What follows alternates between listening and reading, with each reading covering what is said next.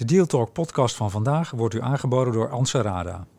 Sinds 2005 heeft Anserada al meer dan 23.000 transacties begeleid, waaronder M&A, kapitaalinjecties, desinvesteringen, herstructureringen en IPO's.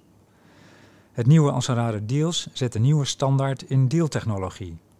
De veilige dealsruimte omvat tools voor projectmanagement, AI-powered data rooms, speciale Q&A-faciliteiten en integratieframeworks. Anserada Deals is meer dan een virtuele dataroom. Het is een complete transactiemanagementoplossing voor de gehele deal lifecycle. Start kosteloos op anserada.com. Welkom bij Deal Talk, de podcast over fusies en overnames. Met vandaag de gast Chrisbert van Koten van Meewind en Alexander Karels van Houthof. Welkom heren. Mag ik vragen jullie kort jezelf voor te stellen? Ja, mijn naam is uh, Chrisbert van Koten en ik uh, werk inderdaad voor Meewind. Uh, Meewind is een beheerder van beleggingsfondsen en wij investeren dat geld voornamelijk in de duurzame energieprojecten en bedrijven. En zelf ben ik inmiddels ruim 25 jaar in verschillende rollen werkzaam in de, in de financiële sector. Dankjewel. Ja, en dank. leuk. Alexander Karels. ik ben het hoofd van de eh, corporate en M&A eh, praktijkgroep eh, bij Houthof. Um, wij als Houthof doen natuurlijk veel public en private M&A. Ook veel de, de, laatste tijd en groeiende in de energiesector. We hebben een energiepraktijkgroep binnen corporate M&A en we zien er leuke dingen gebeuren op dit moment. Ah, een mooi bruggetje naar de eerste vraag. Wat zie je zoal gebeuren bij jullie energiepraktijk? Nou ja, wat uh, daar gebeurt, denk ik, is uh, um, nou ja, een ontwikkeling richting uh, de, nou ja, uiteraard de, nieuwe sources. Dus veel werk in dingen als portals. de, de, zowel ehm, CO2-afvang, transport, opslag, als ook werk met betrekking tot de waterstof. Eh, eh, ik zie wind, eh, zie ik veel gebeuren. En waar ik het nodig in zie is in energie, elektriciteit, opslag. Dus veel batterij, batterijtechnologie en nou ja, het maken van grote opslag. Mooi, dankjewel. Het onderwerp van deze podcast is nieuwe energie voor M&A. Um, ik wil graag beginnen met de deel van de week. Voor mij is dat de grootste overname sinds de beursgang van Prozus. En daarnaast opvallend de Leiden Jar, die uh, eh, 22 miljoen ophaalt voor verdere ontwikkeling en productie van een superbatterij. En mikt op een mogelijke beursgang. Wat zijn jullie uh, deals van de afgelopen dagen? Nou ja, de, de laatste die je noemt, dat was, die stond vanochtend uh, was in het nieuws en die was mij ook opgevallen. Ehm, omdat het natuurlijk het, het ontwikkelen van uh, nieuwe batterijtechnologie uh, moet het mogelijk maken om het kleiner te maken en krachtiger. Uh, en um, ja, opslag in, op, voor vele doeleinden is toch wel een heel cruciaal ding in de hele energietransitie. En, en het is leuk om te zien dat dit soort dingen in Nederland worden ontwikkeld. Dus die, die, die was mij zeker opgevallen, ja. Ja, nou, helemaal eens met jullie. Ja, kijk, eh, alleen al omdat het vandaag was natuurlijk. Maar uh, de, wat uh, daar ook wel aardig aan vond is zowel het feit dat het, het onderstreept hoeveel geld daar nu in gaat en wat de ontwikkelingen daarin zijn en hoe snel die zijn. En het is mooi te, te, zien dat Nederland daar een belangrijke rol in speelt. En ik vond ook wel leuk te zien de opmerking dat uh, ze ook al gelijk denken aan een beursgang. En uh, uh, nou ja, een ander leuk onderwerp van het moment is natuurlijk SPAC. Nou, dat werd ook al gelijk genoemd. Ik vind dat wel leuk om te zien, want een, een andere die mij opvalt in de recente deals, dat is, nou ja, er is op dit moment is een D-spec gaande hè, van Lakestar. Um, dat is een Luxemburgse entiteit en, met een Duitse target. Maar het is in Europa is het wel nu de, uh, eigenlijk de eerste in deze wave aan uh, transacties. En ik zag dus dat inderdaad Leiden Jar ook onder andere kijkt naar de mogelijkheid van de DSPAC. Maar ik denk dat het, nou daar gaat nu bewezen worden of dat succesvol gaat zijn. Want als die Lakestar-transactie, als dat uiteindelijk een succes is en ook de, de, de, de beurskoers het goed blijft doen na die DSPAC, dan geeft dat hoop voor de toekomst. En ik denk dus inderdaad, we hebben nu veel listings gezien en er zit nog meer aan te komen. Uh, maar uh, ja, dus uh, wordt dat een succes? Vind, kijk ik met grote interesse naar uit. En ik denk dat voor een Leiden Jar dat ook zeer interessant dan gaat worden om te zien wat daar gebeurt. En dan, nou, nou, overigens een andere, als ik dan toch even aan het ratelen ben, is de aankondiging nu recent van ook Scholt, dat ze naar de beurs gaan. Wat doet Schot? Uh, dat is uh, nou ja, in feite gewoon een, uh, een elektriciteits, energie, maar, maar, ja, energieleverancier aan een relatief selecte groep, maar veel bedrijfsmatig cliënten begrijp ik. in die zin niet mega vernieuwend. Denk ik, qua, qua product, maar wel natuurlijk zeer actief in de energiemarkt en het laten een, denk ik, een verbreding van de spelers zien. En ehm, ook wel leuk om te zien dat die inderdaad dan een, naar een klassieke beurs gaan kijken. Dus ik ben, nou, ik ben ook benieuwd hoe dat zich ontwikkelt. Eigenlijk gewoon hoe gaat de Nederlandse beurs, ik, ik ben daar bullish in, maar hoe gaat die zich ontwikkelen en welke nieuwe energiespelers gaan we daar zien? Ja, jij noemt ook Leiden Jar. Is er een verklaring waarom ehm, Nederland het goed doet op het gebied van batterijen, batterijenproductie? Ja, dit is een bedrijf dat zit in Leiden, hè, uh, als ik het goed begrijp. Um, ik, ik, ik, ik, ben zelf geen techneut, dus ik kan ook niet helemaal doorgronden wat zij specifiek hebben en waarom dat in Leiden zit. Er is veel rondom laden natuurlijk wel geweest hè, in Nederland. Maar wellicht dat dit daarmee te maken heeft, maar dat is speculatief, nee, dat weet ik niet. Nee, ik vind het wel grappig. Ik begrijp dat ze inderdaad een manufacturing facility, althans stel een test en manufacturing facility in Eindhoven willen ontwikkelen. Nou ja, dat verbaast dan weer niet. Nee, maar, uh, uh, maar dus ik, ik, denk eerlijk gezegd, uh, de, toch wel een beetje de academia en Ehm, ik wil niet zeggen dat Nederland enorm vooruit loopt, maar ehm, in het, uh, het financieel faciliteren. Maar ik denk dat we toch wel een goed uh, start-up klimaat hebben. Ja, zeker, zeker. Het onderwerp van deze podcast is uh, nieuwe energie voor M&A. Nou ja, Leiden Jar is zo'n zo'n speler op, op dat gebied. Kunnen jullie uh, schetsen wat er gebeurt op, uh, op uh, het stuk renewables, um, hè, andere manieren van elektriciteitsopslag? Wat, wat zien jullie gebeuren in de waardeketen? Kunnen jullie daar iets over vertellen? Ja, kijk, de, de, de activiteiten van de afgelopen jaren hebben, die vooral de aandacht hebben getrokken, is de, zeg maar, de groene productie, hè, de duurzame productie mm. van, van elektriciteit. Uh, in, in eerste instantie in wind en de afgelopen jaren in Nederland ook veel in zon. Um, de volgende stap is natuurlijk dat, dit heeft heel veel impact op uh, ja, hoe de energiemarkt werkt. Het, het, aanbod uh, is afhankelijk van of de wind waait en of de zon schijnt. Ehm, vraag en aanbod komen daardoor op een andere manier bij elkaar. en dit is dit, dit is onderdeel van een ontwikkeling die maakt dat uh, ja, de, de manier waarop ook de energieaanbieders eigenlijk uh, hun klanten moeten benaderen en wat ze hen moeten kunnen bieden, uh, behoorlijk aan verandering onderhevig is. Hè. De, hun, hun traditionele klant wordt, gaat zelf produceren, houdt misschien wel wat over, gaat het ook leveren.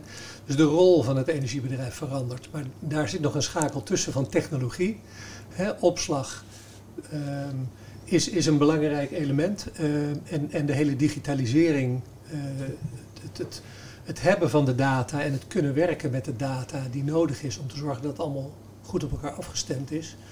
Ehm, ja, daar zitten met name heel veel ontwikkelingen. en daar is denk ik op dit moment ook iedereen mee bezig. Ja, helemaal eens. Eh, ik zou daar aan toevoegen inderdaad naast opslag denk ik distributie en, uh, de, en het netwerk. Uh, want daar zit nu wel een probleem, denk ik. Ik denk inderdaad dat je gelijk hebt in de data, uh, dat er enorme ontwikkeling in is en dat is ook nodig. Uh, maar ik denk als je kijkt naar bijvoorbeeld elektriciteit, we, we, gaan natuurlijk enorme elektrische mobiliteit zien. Nou, er gaat, gas moet er nou ja, langzamerhand uit. of gaat eruit, maar dat neemt voor mijn gevoel nog wel heel eventjes, maar, maar desalniettemin. Um, maar we hebben eigenlijk uh, op dit moment gewoon, uh, als we kijken bijvoorbeeld ook naar datacenters, de hoeveelheid energie die dat uh, neemt, is natuurlijk enorm. dat genereert dan ook wel weer warmte en dat kan dan weer hergebruikt worden. Maar toch, de hoeveelheid energie die er eerst naartoe moet om het te doen draaien, dat is enorm. En op een gegeven ogenblik, nou, we, we, komen nu denk ik in de situatie dat we nog niet, het netwerk kan het nog niet aan. En dat, dat dat, dat eh, gaat nu de komende tijd heel veel eh, werk, maar ook investeringen en uiteindelijk eh, transacties teweeg brengen. Er is geld genoeg in de markt. De, de, de manier waarop bijvoorbeeld datacenters zich manifesteren roept ook wel onrust op, maar daar wil ik het nu eigenlijk niet over hebben. Wat gebeurt er als je kijkt naar die traditionele aanbieders van, van energie? Hoe bereiden die zich voor op die, op die transitie? Doen ze genoeg of doen ze juist niet genoeg? ik, ik, kan Shell als voorbeeld noemen. Ik heb het idee dat ze wel met innovatie bezig zijn uh, in, uh, in renewables. Al wordt dat niet altijd even hard uh, geroepen in, in de media. Maar hoe, hoe, hoe, bereiden die oude spelers zich, zich voor? Ja, en dan, en dan oud, in, wat je noemt als voorbeeld van een energiebedrijf Shell. Hè, maar je hebt natuurlijk ook de oude traditionele nutsbedrijven. Ja. Ik denk dat die, die lopen denk ik wel redelijk voorop. Uh, althans, uh, ik, ik, las een onderzoek en daar wordt de nutssector met name genoemd als een sector die, die echt wel uh, het voortouw heeft. Um, ja, bij, bij bedrijven zoals Shell en Total en dat soort oude oliebedrijven, daar wordt natuurlijk vaak afgezet tegen de activiteiten die ze al hebben. En de bedragen die ze, daar, die ze investeren in nieuwe energie wordt afgezet tegen de bedragen die ze investeren in hun traditionele business. En dan is het verwijt natuurlijk dat ze eh, relatief weinig doen. En in die verhoudingen is dat ook wel zo. Uh, dat gezegd hebbend, de afgelopen jaren uh, hebben die hun positie wel behoorlijk uitgebouwd. Wij hebben in een vorige sessie met elkaar ook al een keer gehad over alle laadbedrijven, laadpalen en laadinfrastructuur die ze gekocht hebben. Daar zijn ze grote spelers geworden. Um, en ze zijn inmiddels ook allemaal actief geworden op het gebied van het leveren van energie. Bijvoorbeeld, hè, uh, Shell was een bieder op Eneco, heeft net aangekondigd dat ze het nu dan maar zelf gaan doen. Dus die zijn wel bezig. Uh, maar goed, dat is ja, de wereld van het grote geld en de grote getallen. En, en die kunnen waarschijnlijk wel meer doen. De, de nutsbedrijven, de traditionele nutsbedrijven, die zitten natuurlijk wel een beetje in de hoek waar de klappen vallen. Ja, leg eens uit. Nou ja, uh, kijk, die zijn groot. Hè? Die hebben bij wijze van spreken alleen maar te verliezen uh, van alle nieuwe bedrijven die ontstaan. Want die jagen allemaal op hun, hun klanten. Um, uh, aan de andere kant zie je dat, dus ze kunnen daar, ze zijn minder wendbaar dan, dan start-ups die niet de ballast uit het verleden hebben. maar ze willen dat wel. doen dan vaak ook door zelf overnames te doen. Uh, aan de andere kant zie je dat op het moment dat een Shell uh, actief wordt in die markt, ja, dan die, die gaat met hen concurreren. Hè, dus, uh, en, en ondertussen verandert de relatie die zij hebben met hun klant, want hun klant verwacht dat ze niet zomaar elektriciteit, elektriciteit leveren of gas, maar dat ze, dat ze geholpen worden om te verduurzamen. en er komt, een, er komt een hoop meer bij kijken daar zijn ze natuurlijk wel mee bezig. Uh, op, op, op velerlei vlak. Door aan pilots mee te doen, door investeringen te doen, door nieuwe divisies op te zetten, door overnames te doen. Um, maar ja, dus het lijkt me dat, daar, dat het daar wel alle hens aan dek is. Ja, ja dat geloof ik ook wel. En uh, inderdaad, uh, hun cliënten willen ook horen dat het groen is, hè? steeds meer. Dat, want als je het over bedrijfsmatige B2B uh, dan helpt het ook richting de investeerders van hun cliënten, dus van andere bedrijven, om te zeggen, ja nee, oké, wij letten hierop. dit is, wij hebben groene, groene energie. En eindconsument let er ook steeds meer op. Dus um, exact, die, het is alle hands aan dek. Maar ehm, als je dan kijkt naar het Deense voorbeeld, hè, waar in feite de Donk zich heeft omgezet naar wat nu natuurlijk uh, eigenlijk de grootste uh, groene, uh, echt een enorme grote internationaal opererende groene speler is, windfarms. ja, dat is, er ligt een kans, maar je moet wel durven. En dat, de, ene hebben laten zien dat ze durven. Ja, dat is wel een, dat is een bold move hè, om zoiets te doen. Um, neem bijvoorbeeld een bedrijf als Green Choice. Dat is, dat is een bedrijf waar Meewind in geïnvesteerd heeft. Toen die twintig jaar geleden opgericht werden, waren ze echt een voorloper. Hè, waren de groene speler. Uh, inmiddels zijn ze natuurlijk al lang niet meer de enige en, en uh, zijn ze gedwongen om na te denken van hoe houden wij, ja, hoe houden we stand? Hè? Hoe houden we onze marktpositie vast of bouwen we, die, bouwen we die verder uit? En dat doen ze door bijvoorbeeld op allerlei manieren hun klanten ook mogelijkheden te bieden om te profiteren ja. uh, van de voordelen die uh, uh, die ontwikkeling met zich meebrengen. Door ze in de gelegenheid te stellen om, om, om mee te investeren in een windpark en op die manier hun energierekening te verlagen. En, en een van de laatste plannen waar waar de, waarvan de CEO heeft gezegd dat hij dat graag zou willen doen, is om uiteindelijk uh, de klanten ook gewoon aandeelhouder van het bedrijf te maken. Hè, dus uh, op die manier echt optimaal te laten profiteren. Nou, dat, dat is op zich een ontwikkeling die wij van harte steunen. Um, maar dat, uh, dat is wel een manier om het draagvlak te creëren wat je, wat, waarvan je merkt dat het toch wel nodig is om die hele ja. energietransitie mogelijk te maken. Hè? Want uiteindelijk niemand wil, iedereen is voor windenergie, maar niemand wil hem zien. Hè? Zo zijn er meer redenen uh, waarom we bepaalde dingen niet, wel, wel willen, maar ook weer niet willen. Uh, dus uh, ja, als je de voor- en de nadelen allebei kunt uh, brengen, dan, dan kan je daar je voordeel mee doen. Ja, ja. Maar als je mede-eigenaar van die windmolen bent, dan is het natuurlijk toch leuker om daarnaar te kijken. Dus, uh, ja. ja. ja. Ja, met andere woorden, de, de macht is meer komen te liggen bij de eindconsument. En de eindconsument wil groener, duurzamer, schoner. Dus daar moet je in mee. Als, ja, je hebt geen als, keus. Als, als, fonds of als producent of als marktpartij. Ja, ja. De, eindconsument en misschien de eindfinancier.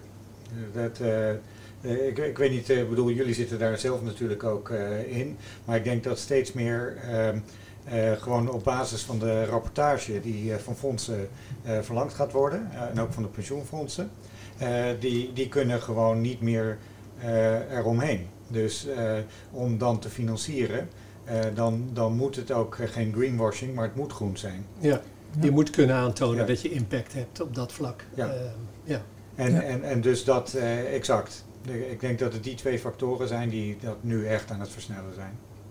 Ja, en dan zie je ook de invloed van uh, het, het Parijsakkoord en de Green Deal. Kun je stellen dat sommige landen voorop lopen in het uh, voldoen aan die eisen van, uh, van het Parijsakkoord? Of dat er bepaalde sectoren zijn die, die daarin voorop lopen? Is, ja, loopt Nederland voorop bijvoorbeeld? Nee, maar dat, tenminste, ja, op bepaalde opzichten kun je zeggen van wel. Maar uh, bijvoorbeeld uh, voor ons is het moeilijker om de industrie, hè, want er, er, is nu natuurlijk ook wat aandacht op de industrie, wat vervuilt en wat gebeurt daaraan. Um, en als je, maar als je kijkt naar Zweden bijvoorbeeld, daar is het veel makkelijker. Er is veel meer waterkracht. Dus het is gewoon veel makkelijker om voorop te lopen en ook de industrie te vergroenen. Want je kunt die, die energie voorzien aan je industrie. En die is dan gelijk schoon. Uh, want uh, dat kun je vervolgens op waterstof kun je heel veel draaien. Nou, je, die, je, kunt, je hebt de energie om, de, om die te maken. En ehm, wij hebben natuurlijk ehm, redelijk veel wind. Wind op zee, daar gaat het naartoe. En daar zijn we mee bezig. Maar, ik weet niet of jij het anders ziet, Chris. Maar, nee, nee, ik deel je mening. Ik denk dat de de, de start van dit soort ontwikkelingen, en, en, die je uiteindelijk ook terugziet, denk ik, als je nu ranglijsten zou maken, toch ook wel heel erg bepaald worden door eh, natuurlijke hulpbronnen die in een bepaald land voorhanden zijn en de bevolkingsdichtheid. Hè. Uh, het is makkelijker, denk ik, om in de bush met veel uh, waterkracht iets te doen. En, en Scandinavië, ik denk eigenlijk alle landen zonder uitzondering daar, die lopen gewoon voorop. Ja. Um, ja, Nederland heeft gewoon een hele trage start gekend eigenlijk. Hè? Um, en een aantal jaar geleden is er wel door uh, ja, duidelijke regie in handen te nemen ten aanzien van het ontwikkelen van wind op zee, uh, is, er wel, is het wel mogelijk gemaakt om nu wel echt grote stappen te maken.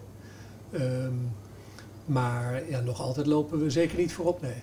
Hmm. Nee, dat is ook wel een geinig om te zien inderdaad. Want ik denk dat we A, niet uh, dezelfde hoeveelheid uh, national, sorry, natural resources op de gunstige manier hebben zoals in Scandinavië. maar ik denk ook dat we wat lui zijn geweest. Misschien met, met gas. Wat natuurlijk op een gegeven ogenblik juist vanuit het verzet, vanuit denk ik, vanuit Groningen, van gewoon, gewoon mensen, gewoon hebben gezegd nu moet het ophouden. maar tot die tijd denk ik dat we daar misschien wat, uh, wat lui zijn geweest en wat, wat langzaam.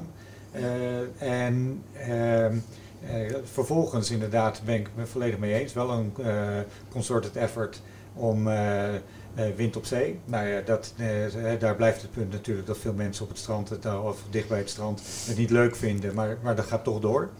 En daar denk ik de laatste ontwikkeling is dat het vanuit een investeringsoogpunt aantrekkelijk is geweest natuurlijk de subsidiëring daarvan. En dat is nu over. Dus dat is, uh, terwijl ik denk dat je ziet dat dat uh, keihard doorgaat. Ik denk dat mensen nu zien dat dat gewoon winstgevend op zich kan zijn. Dus ik denk dat dat... En dat is wel een belangrijke ontwikkeling geweest, want de kosten voor die hele energietransitie die, die zijn torenhoog. En die moeten een keer ergens verschijnen op een energierekening hè, die mensen ontvangen. En de vraag is of ze het dan nog steeds zo leuk vinden dit, dit is misschien niet een kwestie van of je het leuk vindt of niet, maar gewoon bittere noodzaak. Maar, maar het helpt wel als iedereen erachter staat. Um, en overigens nog even op dat, dat, dat, die luiheid, zoals jij dat noemt, ten aanzien van gas, even in perspectief te plaatsen. Duitsland is nog niet zo heel lang geleden overgeschakeld van bruinkool op gas hè, eh, voor verwarming. Dus ook binnen Europa zijn er natuurlijk wel weer een hele hoop verschillende snelheden. Dat, dat kan gewoon harder. Ah, en daar speelt natuurlijk ook de kernenergie-discussie vervolgens in. Want de Duitsers natuurlijk, die, die moesten wel uh, naar gas, denk ik. Uh, uh, vanwege het inderdaad het van kernenergie afstappen. Terwijl natuurlijk eh, de Fransen en, eh, en sommigen nu in Nederland eigenlijk zeggen, ja maar dat is ook het domste idee ever om daar vanaf te stappen. Sterker nog, daar moet je juist meer in. Nou ja goed, dat is een discussie, daar wil ik nu niet intreden. Nee.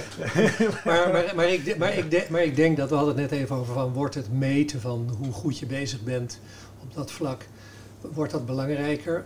Ik, ik denk dat juist dat heel erg zal helpen om dingen te veranderen. Want... Uh, in eerste instantie kosten heel veel van die veranderingen geld. En als onderneming sta je dan voor de keuze van, moet ik nou de eerste zijn of moet onze sector nou de eerste zijn? Maar op het moment dat je voorop loopt uh, en daar gaan serieuze eisen gesteld worden aan waar het geld in belegd wordt en uh, of jij nog wel mag leveren aan, aan afnemer A of B, uh, dan in die end zou je daar beter mee af moeten zijn. Hè? daar moet je wel in geloven, maar ik geloof wel dat dat een ontwikkeling is die die, die kant uitgaat. En door daar tijdig in te investeren, uh, dat je uiteindelijk daar beter mee af zal zijn. Mooi, mooi statement. Um, jullie geven aan wind op zee, dat heeft de toekomst. Nu zijn er landen die niet aan zee liggen en die uh, andere manieren uh, uitproberen. Wat, wat, kun je zeggen over, ehm, over de Europese aanpak hè, in, in, in, in, tools, uh, wind, waterstof, zon? Europa is vaak gefragmenteerd in, uh, in dit soort zaken. Is dat nu ook zo? En, en welke grote politieke meningen zien jullie daarin? Wat mij opvalt bij heel veel van dit soort onderwerpen of belangrijke issues, hm. waar, waar, waar klimaatverandering er een van is, is dat ik, ik vind het zeer goed dat dat vanuit Europa uh, nu wordt ingezet. Hm. Hè, dat er hele ambitieuze plannen liggen. Um, ik heb niet zo'n zicht op uh, de mate waarin er dan gecoördineerd wordt. Of dat er gewoon aan ieder land bepaalde doelstellingen worden opgelegd of gevraagd. Maar als er bepaalde landen zijn die geen zee hebben en andere landen wel, en we zijn van mening dat daar wind op zee moet worden, windenergie moet worden geproduceerd op zee. Ja, dan zouden we met z'n allen afspraken moeten maken dat dat dan komt in die landen. Hè, en dat, dan, dat we daar dan gezamenlijk een oplossing voor verzinnen. Ik, ik weet het niet in hoeverre dat, dat al. Je zou verwachten dat daar wel enige rekening mee gehouden wordt. Ja. Um, ja Ik, exact. Mijn gevoel is dat dat toch redelijk ieder voor zich is. Want we hebben allemaal uiteindelijk onze doelstellingen. En in Nederland, ja. ja. laten we wel wezen, de, de focus is heel erg op wat doen wij nou? Wat wordt hier vervuild? Ehm, en wat doen wij aan, aan nieuwe ontwikkeling en aan opwekking? op, op schone wijze. Dus heel eerlijk gezegd denk ik dat wat er al gecoördineerd wordt, dat dat wel tegenvalt. Er liggen natuurlijk ook wel, kijk het is natuurlijk wel zo, waar je geen zee hebt, heb je vaak bergen en weer andere uh, mogelijkheden. Dus, uh, maar ja, daar, daar zit, dat is niet optimaal, de, de, die coördinatie. Die, die, die Nederlandse laatste parken op zee die via die tenders aanbesteed zijn, die gaan zonder subsidie. Maar in het verleden ging het geld, en dat zal ongetwijfeld nu niet anders zijn, natuurlijk naar die plekken waar de subsidie nog wel was. Hè? Dus als er landen zijn die dat, die dat, dat, dat is een belangrijke manier om te sturen. Terwijl we in Nederland nu gewoon toch zien dat het, het wordt gerealiseerd zonder subsidie. Ja. Dus het kan wel. Nou, en degenen die er nu goed in zijn en die het ook uh, goed kunnen prognosticeren, die, die gaan gewoon door zonder subsidie. Absoluut. Hm. Maar goed, het kan wel behulpzaam zijn om het uh, to get going, zullen we maar zeggen. En was nog een hele leuke, vind ik, uh, een Nederlands bedrijf, Oceans of Energy. gewoon nog zonnepanelen tussen de molens. Um, nou, dat vind ik ook een leuke ontwikkeling om te zien. Ja. Kijk, daar kun je heel veel ook over zeggen van ja, wat is nou wel en niet goed voor, voor de vis en, en al dat soort. Maar de ontwikkeling erin is heel leuk. Dus we plaatsen zonnepanelen tussen de windmolens op zee? Ja, gewoon op het water. Die drijven, ja. ja. Aha, goed. En je schetste net al even Scandinavië, dat, uh, dat die regio voorop loopt. Uh, op het gebied van, uh, van nieuwe energie. Zie je dat ook terug in de M&A-praktijk en de M&A-dynamiek die je daar hebt? Of heb je daar geen zicht op? Nou, dat denk ik wel. Het is, tenminste, wat je ziet is dat die spelers die daar zich ontwikkeld hebben, en dan heb ik het dus ook over de Otfias van de wereld, die, die hebben daar de kans gezien om zich uh, te ontwikkelen. En dat zijn nu wereldspelers uh, die voorop lopen de markt. Dus zij zijn degene die het eerst investeren, die het ontwikkelen en die het vervolgens weer tegen veel meer geld uh, een deel kunnen verkopen.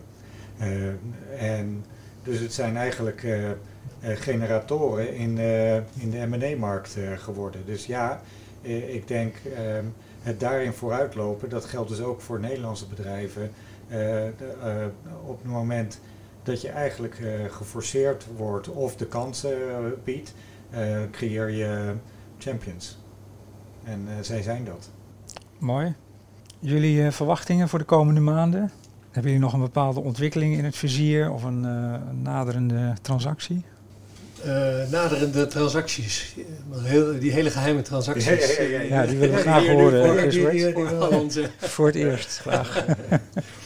Nou ja, kijk, ik, ik denk dat uh, de, de, de M&A-activiteit is gewoon nog onverminderd sterk uh, in de energiemarkt. Uh, ik ben er sinds we er ooit zijn begonnen over te praten wat meer op gaan letten wat er nou met die specs allemaal gebeurt. Ja, ja, ja, het valt me op dat daar ook best wel veel van dit soort bedrijven bij zitten. Maar het, het sluit allemaal aan bij het feit dat daar, daar zijn gewoon groeimogelijkheden die geld vragen. En dat gaat niet voorbij. Er moet nog zoveel geïnvesteerd worden dat daar, daar zullen gewoon nog veel transacties blijven zijn de komende tijd.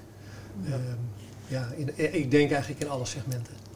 Ja, nee, helemaal eens. Ik denk uh, uh, eigenlijk van ieder van de dingen waar we het nu zojuist over hebben gehad, daar, daar, daar zit gewoon activiteit in. Dus uh, ik denk in zijn algemeenheid de M&A-markt in bredere zin, ook buiten de energie, uh, is, uh, is goed. Hè? Er, is er is inderdaad veel geld, er is veel private equity geld.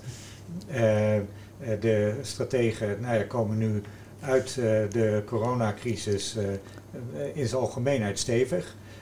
dus kijk, je weet nooit wanneer de markten te heet zijn en dat er uh, een, een, trick, een trigger is in de markt die het allemaal toch wat minder vrolijk maakt. En die, die, die, die vind ik moeilijk te voorzien, want die gaat wel een keer komen. Maar wanneer dat is, dat, dat ehm, ja, dat we'll, see. Maar in de tussentijd denk ik inderdaad dat de investeringsappetijt is er gewoon. Uh, wanneer je kijkt naar SPACs, dat, want dat is inderdaad, dan zie je nu dat uh, investeerders worden een beetje onrustig. Aan het begin van deze podcast hadden we het er al even over en ik cirkelde naar terug. Um, de, uh, hoe succesvol gaan de D-SPACs worden en hoe aantrekkelijk is het dus voor, welke investeerder om welke rol te hebben in een, in een SPAC. Um, dat maar wat ik denk dan juist dan succesvol gaat zijn, is die SPACs die op, uh, focussen op een uh, bijzonder segment. en kijk, er is ESG is nu is een beetje een, in brede zin is een populair segment geworden. Maar ik denk al bijvoorbeeld als een, een SPAC zich echt richt op heel specifiek op energie, heel specifiek op, op bijvoorbeeld opslag, dan denk ik dat dat eentje is die um, gewoon investeerders gaat vinden die uh, zeggen, ja dat is nou dat is specifiek, dat is een management dat specifiek uh, zoekt, daar, uh, daar zijn we in geïnteresseerd. Dus ik denk dat dat, dat op kapitaalmarkten, dat de ontwikkeling daar naartoe gaat, richting specifieke, um, gerichte businesses. En, en last but not least, ontwikkelingen. Misschien dat we ooit een nieuwe regering krijgen. En uh, ja, dat zou, ja, daar zitten we natuurlijk ook allemaal wel eigenlijk te wachten van, gaan die nu ook serieuze stappen maken? Uh, want uiteindelijk de overheid heeft daar natuurlijk toch, hoe je het ook went of keert, een belangrijke rol in te spelen. Absoluut. 6 tot 7 miljard, lees ik in de krant. Ja, nou, op het gebied dus, van infrastructuur heel veel, maar er wordt al ja. lang gepraat over verduurzaming van de bebouwde ja. omgeving. Maar ja, wat dat dan inhoudt, dat is allemaal nog work in progress. Uh, en daar zal geld ook zeker een belangrijke rol in spelen. Vergroening van de industrie. Ja. ja gaat, uh, wat gaat de overheid doen? Ik denk dat het belangrijk is. We gaan het zien. Ik dank jullie vriendelijk voor jullie bijdrage. En tot de volgende keer. Hartstikke leuk. Tot de volgende keer. Ja, dank jij wel. Dag. U heeft geluisterd naar Deal Talk. De Deal Talk podcast van vandaag wordt u aangeboden door Anserada. Anserada Deals is meer dan een virtuele dataroom. Het is een complete transactiemanagement oplossing voor de gehele deal lifecycle. Start kosteloos op ansarada.com.